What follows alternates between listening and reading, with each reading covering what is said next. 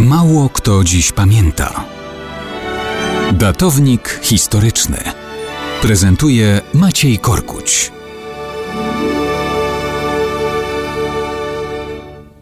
Mało kto dziś pamięta, kto odkrył Wielką Brytanię. Dziwna kwestia? A dlaczego? Wszyscy wiedzą, albo prawie wszyscy, kto odkrył Amerykę. A przecież to też było odkrycie zamieszkanego lądu przez mieszkańców innych zamieszkanych lądów.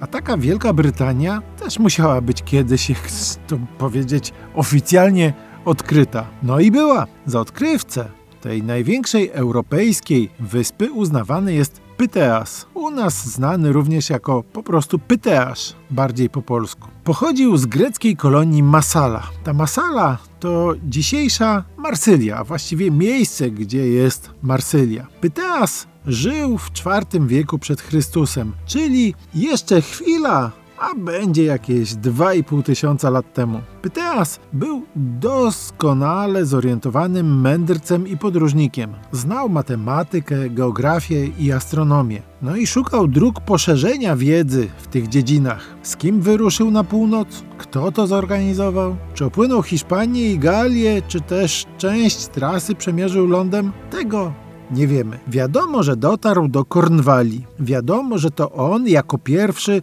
użył nazwy Brytania. On też wśród zamieszkałych tam Celtów usłyszał nazwę, którą zapisał jako Albion. Dowiedział się, że nieco dalej jest położona również druga wielka wyspa. My wiemy, że chodziło o znaną nam dzisiaj Irlandię. Opłynął Brytanię od zachodu przez Morze Irlandzkie. Na miarę możliwości próbował stworzyć mapy tych odkrywanych lądów. Kiedy dotarł daleko na północ do zamarzniętego morza, zawrócił i próbował opłynąć wyspę od południowo-wschodnich brzegów. Potem dotarł do wybrzeży Germanii, czyli ponownie znalazł się na kontynencie. Zbierał informacje o przyrodzie, napotkanych mieszkańcach i o wszystkim, co ciekawe na tych odległych lądach sprzed niemal 2,5 tysiąca lat. Zanim na stałe na tej wyspie zadomowią się przodkowie Anglików, minie jeszcze od czasów Pyteasa jakieś 8 wieków, czyli tyle, co od Bolesława Krzywoustego do lotów w kosmos.